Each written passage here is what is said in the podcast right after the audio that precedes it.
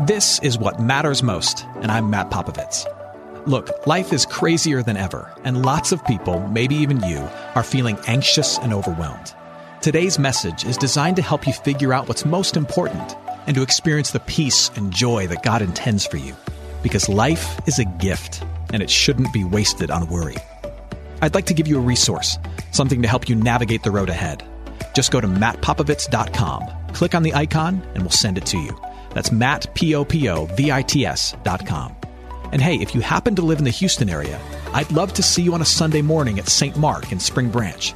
Head to stmarkhouston.org to plan your visit. Here's today's message. Thanks for listening. In every house, in every apartment, there is a junk drawer.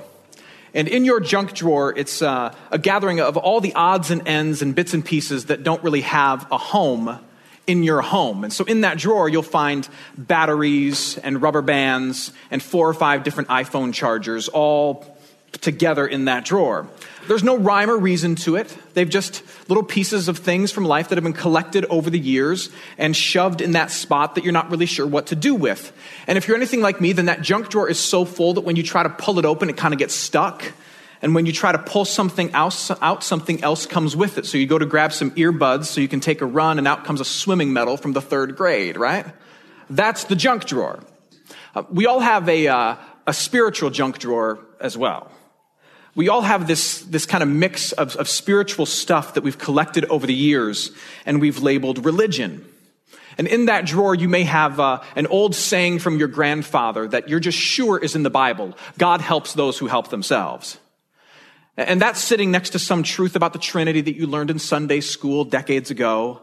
And hanging off of that is, is this idea from your undergrad philosophy class that you always enjoyed. And it's all just kind of thrown together in this, this drawer called spirituality, religion, and it's, it's all just there.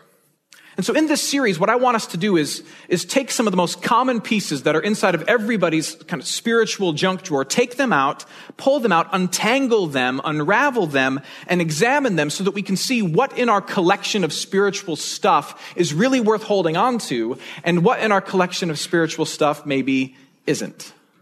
What in our collection of spiritual stuff is part of the historic message of Jesus Christ and what is maybe just something I've inherited or picked up over the years that really has nothing to do with Jesus at all. Because the goal is, in the end, for us to not just have a drawer full of spiritual truths, but for us to have a very clear picture, whether you, whether you end up following Jesus or not, but to have a very clear picture of who Jesus is. That's our goal. So let's dive in. First thing, in, most of our spiritual junk drawers, so to speak, if you, if you rummage around, you will find uh, a scale, a scale for, for weighing things. And it represents this belief that most of us have that the universe is measuring the actions of every individual person. And on one side of the scale, you, you see the label bad. And on the other side of the scale, you see the label good. And we all know what the goal is. The goal is to have the good weigh a little more than the bad. The universe is measuring everybody's actions, and, and if the good weighs a little more than the bad, then you'll get into heaven, or you'll find nirvana, or you'll sleep well at night, whatever your goal is in the end. You even see this idea of a universal scale weighing the actions of, of all mankind reflected in the Old Testament a little bit. You see this, this common human idea reflected in the book of Ecclesiastes, chapter 9. Listen to these words. The writer says this So I reflected on all of this and concluded that the righteous and the wise and what they do are in God's hands, but no one knows whether love or hate awaits them. So God is taking account of good deeds and bad, but nobody really knows whether love or hate awaits them. That's the, the human wrestling reflected in Ecclesiastes 9.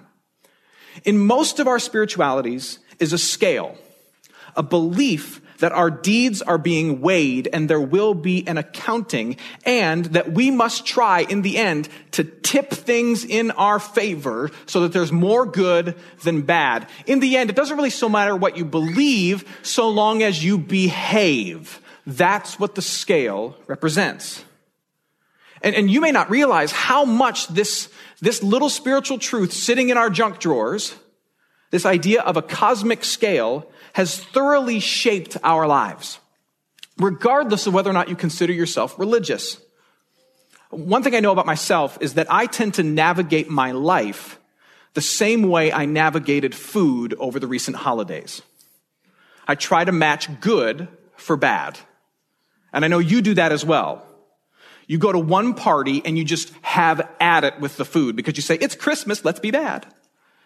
And then you go to the next party and you say, oh man, I gotta be good. So you have nothing but saltine crackers and a glass of wine. And people marvel at your restraint. They didn't have anything to eat. They didn't have one cookie, but little do they know, two nights earlier at your grandma's, you, you went to town like a cold dog let in from the rain, right? If we take an inventory of our lives, here's what happens for us. We treat a coworker horribly. And then we feel a pang of guilt on the train ride home.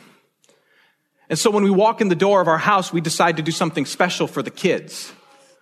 We decide to do something special for the kids because it'll make us feel better. It'll numb our guilt. It will balance the scale a bit. I was bad, so now I gotta what? Be good. Or you're older and, and one of the things you know about yourself is that you had a really reckless past. You didn't just do things that you regret. You did some things in your life that you are deeply ashamed of. And, and the people around you who would look at you now, they would never know the things that you did. And that's because you spent the last 30 years of your life taking every opportunity to be seen as the good guy. Not just because being a good person is the right thing to do, but because something in you says, I gotta balance the scale. I did all of this horrible stuff in my past, and now I've gotta put a little more on this side of the scale in my present.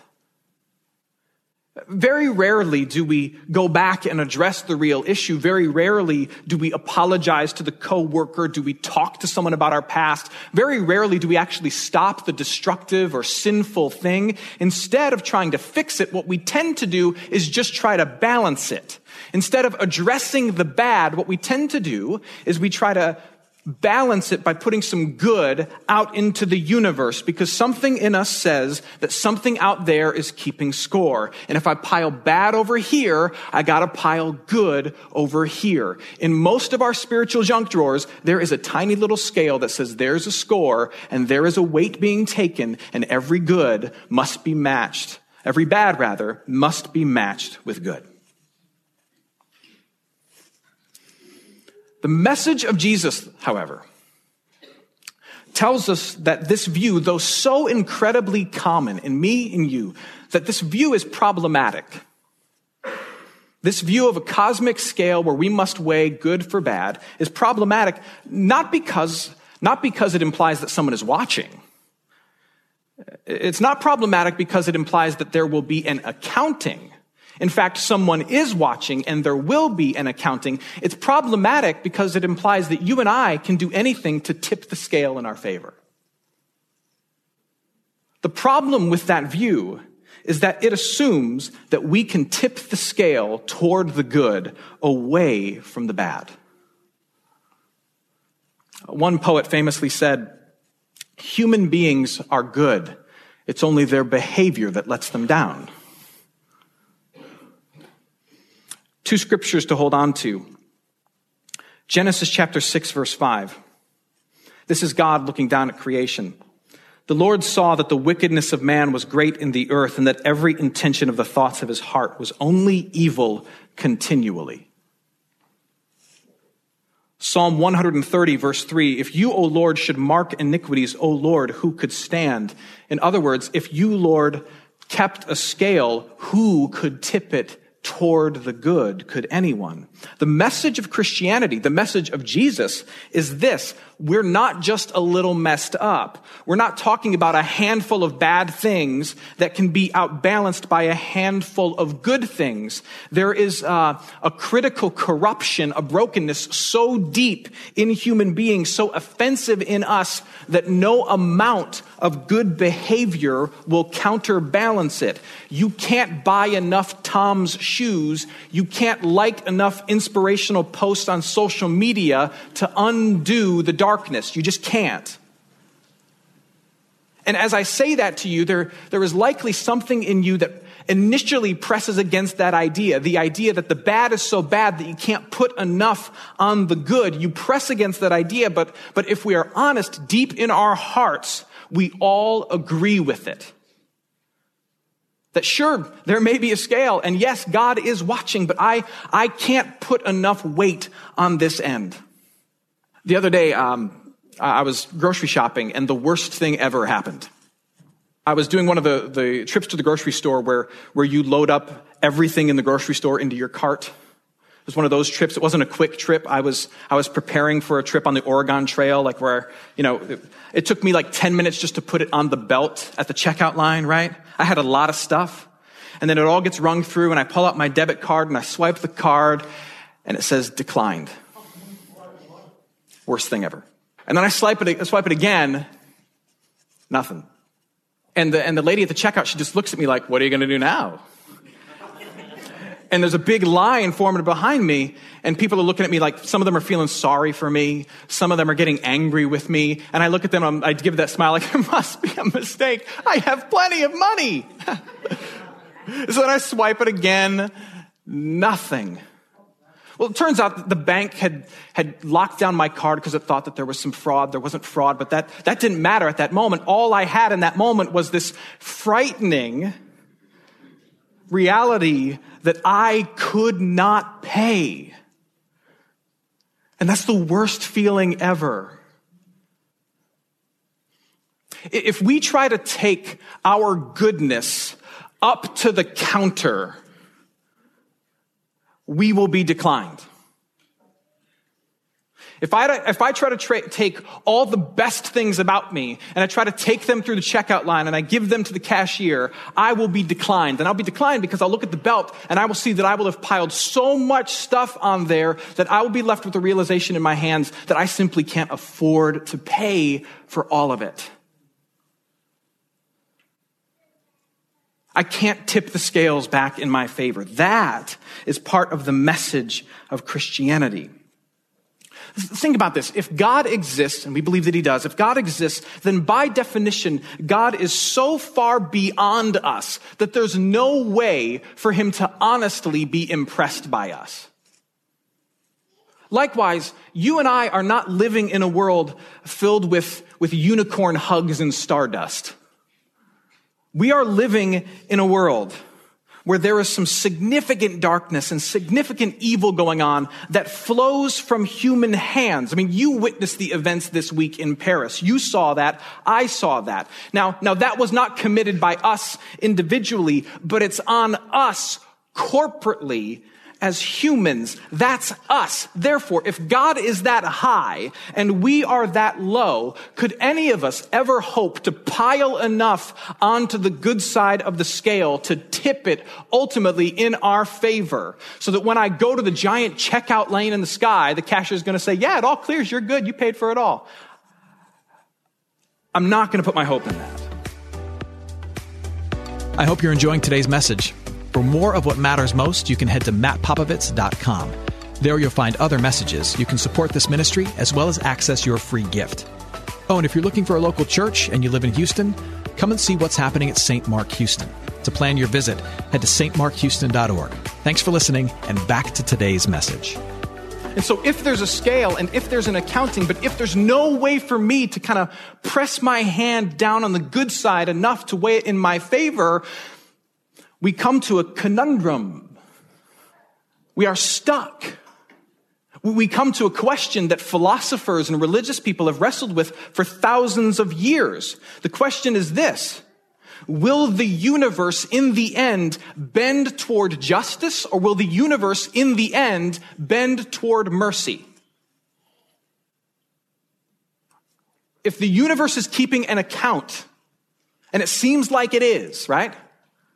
Will the universe in the end bend toward justice, giving imperfect people what they deserve? Or will it bend toward mercy? Will it somehow ignore the scale altogether? You see this question emerge again in the Old Testament. You see this pattern play out. God makes a ton of promises to his people, and they consistently rebel against him. And the question that emerges if you read the Old Testament, God makes a promise, they break it. God makes a promise, they rebel. God makes a promise, they reject him. If you read the Old Testament scriptures, this question emerges of, well, in the end, will their evil lead to their rejection or will God just keep on forgiving them? Will justice win out or will mercy win out? You can almost take the people of God out of the equation because they only ever do one thing, which is the stupid thing. They only ever break their part of the deal. So really, you take them out of the equation and it just comes down to God. Well, in the end, what's he going to do? Is he going to give them justice or is he going to give them mercy? Because we know what they're going to do. They're going to screw up. So what is, what is God going to do? Will the justice God show up or will the mercy God show up? I've told you before how I grew up in a house with um, my, my two brothers. And, and growing up, my brothers and I, we would, we would drive our stay at home mom just crazy. I'm surprised she's just not locked away at this particular point because we were, we were horrible to her. It was a regular occurrence where she would have to look at us after doing something just horrific. We would do something horrific. She would look at us and say, wait till your father gets home and she would call up my dad. We had one of those phones in the kitchen that had a cord like 38 miles long. And she would wrap herself around the cord and she would go in a corner and she would say all the horrible things that the boys had done to her that day. And she would say them to my dad. And she would say, wait till your father gets home. He is so mad. And my brothers and I would gather together and we would wonder which dad was going to show up. Would it be Justice Dad or would it be Mercy Dad? If Justice Dad came home, he would come home angry and he would make us pay, and we deserved it. But if it was Mercy Dad, Mercy Dad was awesome. He would come home and he would stomp around and he'd have an angry look on his face and he would drag us boys upstairs and he would shut the door and he would sit us in the bed and he would say, Look, I just want your mom to be happy. so, here, so here's the deal. You work up some tears, you give her a hug, and you tell her I was mad as hell. Now get out of here. I loved Mercy Dad. Which God will show up for us? I mean, if we really can't, if we can't push the scale in our own favor, which God will show up for us? Merciful God or justice God? The world for millennia waited for an answer. Which way will the universe bend? Do you know what historic Christianity teaches? What does God give us? It's not justice. And it's not mercy. He gives us both. He gives us Christ. In Christ, God brings both justice and mercy. In Christ, God himself comes forward and, and he cuts the tension created by the cosmic scale that we can all feel is kind of measuring us. Christ has come and, and in his perfect life, through his perfect life as God in flesh, he tipped the scale totally toward the good. And he did that for you. He shows up and he lives the perfect life. As I always say, he lived the perfect life you cannot live. And in doing so, he tipped the scale totally toward the good so that all the bad like, just goes flinging off in the other direction, right? Tipped the scale totally toward the good. But then with his death and his resurrection, he takes the punishment for you and me having tipped it all the way to the bad. And so both things get done. He tips it all the way to the good, and then he takes the curse for us having, having levied it and hit it so hard in the wrong direction. And now God the Father looks at the whole situation and he says, well, perfection and punishment have taken place.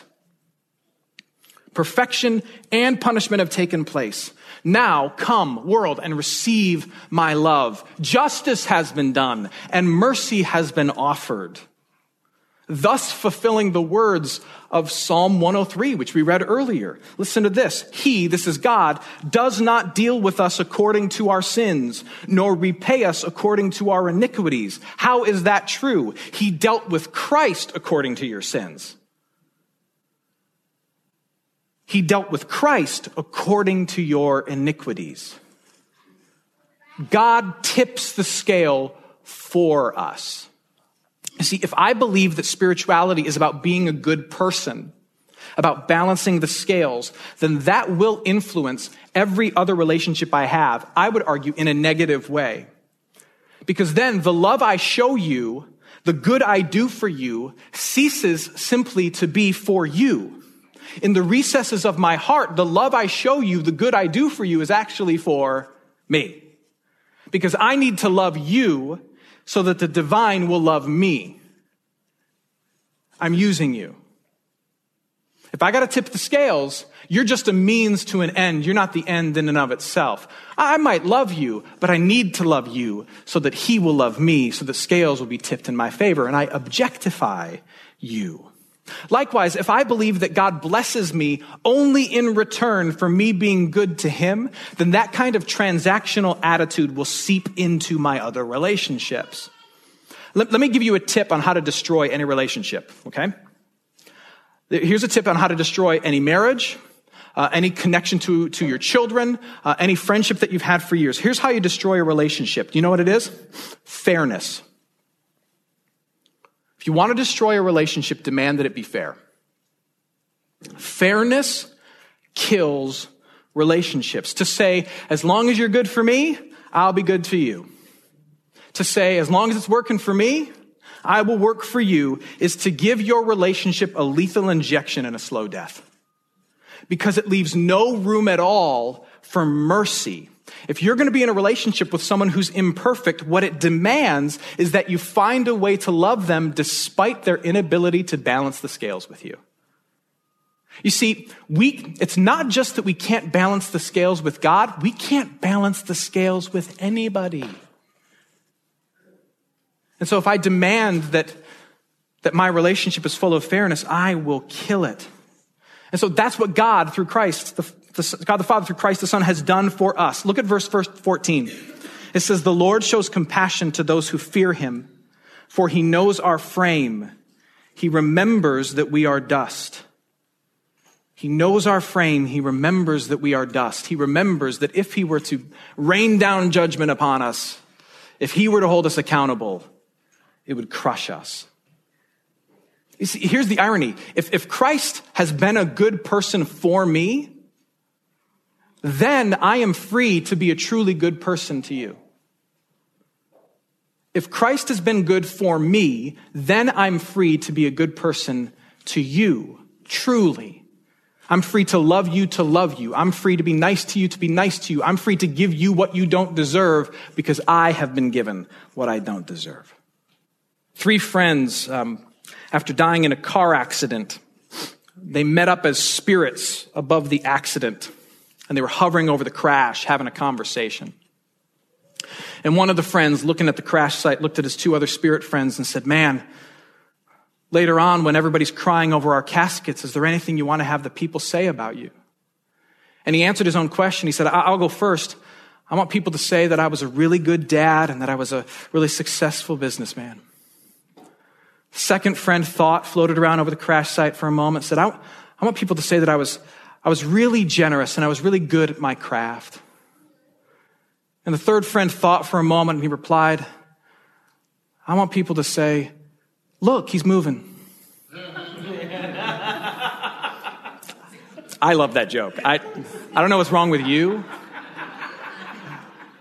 but it's fantastic. He's moving because he still he wishes he was still alive. You'll get it on the ride home. Just Google it. Why was that bad joke actually funny? We all want to be thought of as good people. We all want to be thought of as good people. But can we be good enough to tip the scales in our direction? We, we pull that little scale out of the spiritual junk drawer. One side says good, one side says bad. Can I tip the, can I, can I tip the scales in the direction? And if I can't, if I can't, which God will show up? Will the God of justice show up and give me what I deserve? Will the God of mercy show up and be kind to me? Thankfully, I don't have to wonder there's a third way. It's Christ, through whom God the Father has balanced the scales and brought us mercy. Hey, it's Matt. I hope you enjoyed what matters most. Here's what I need you to know life is a gift, and it shouldn't be wasted on worry. I want to help you figure out what's most important and to experience the peace and joy that God intends for you. So, for more content, you can head to mattpopovits.com. That's Matt, P O P O V I T S.com. There, you can also support this ministry as well as access your free resource, a little something to help you navigate the road ahead. I'd also love to see you on a Sunday morning. If you're in the Houston area, head to stmarkhouston.org to plan your visit. In the meantime, hit me up on Instagram at mpopovits or at facebook.com slash mattpopovitsministries. Thanks for listening. Now go and hold tight to what matters most.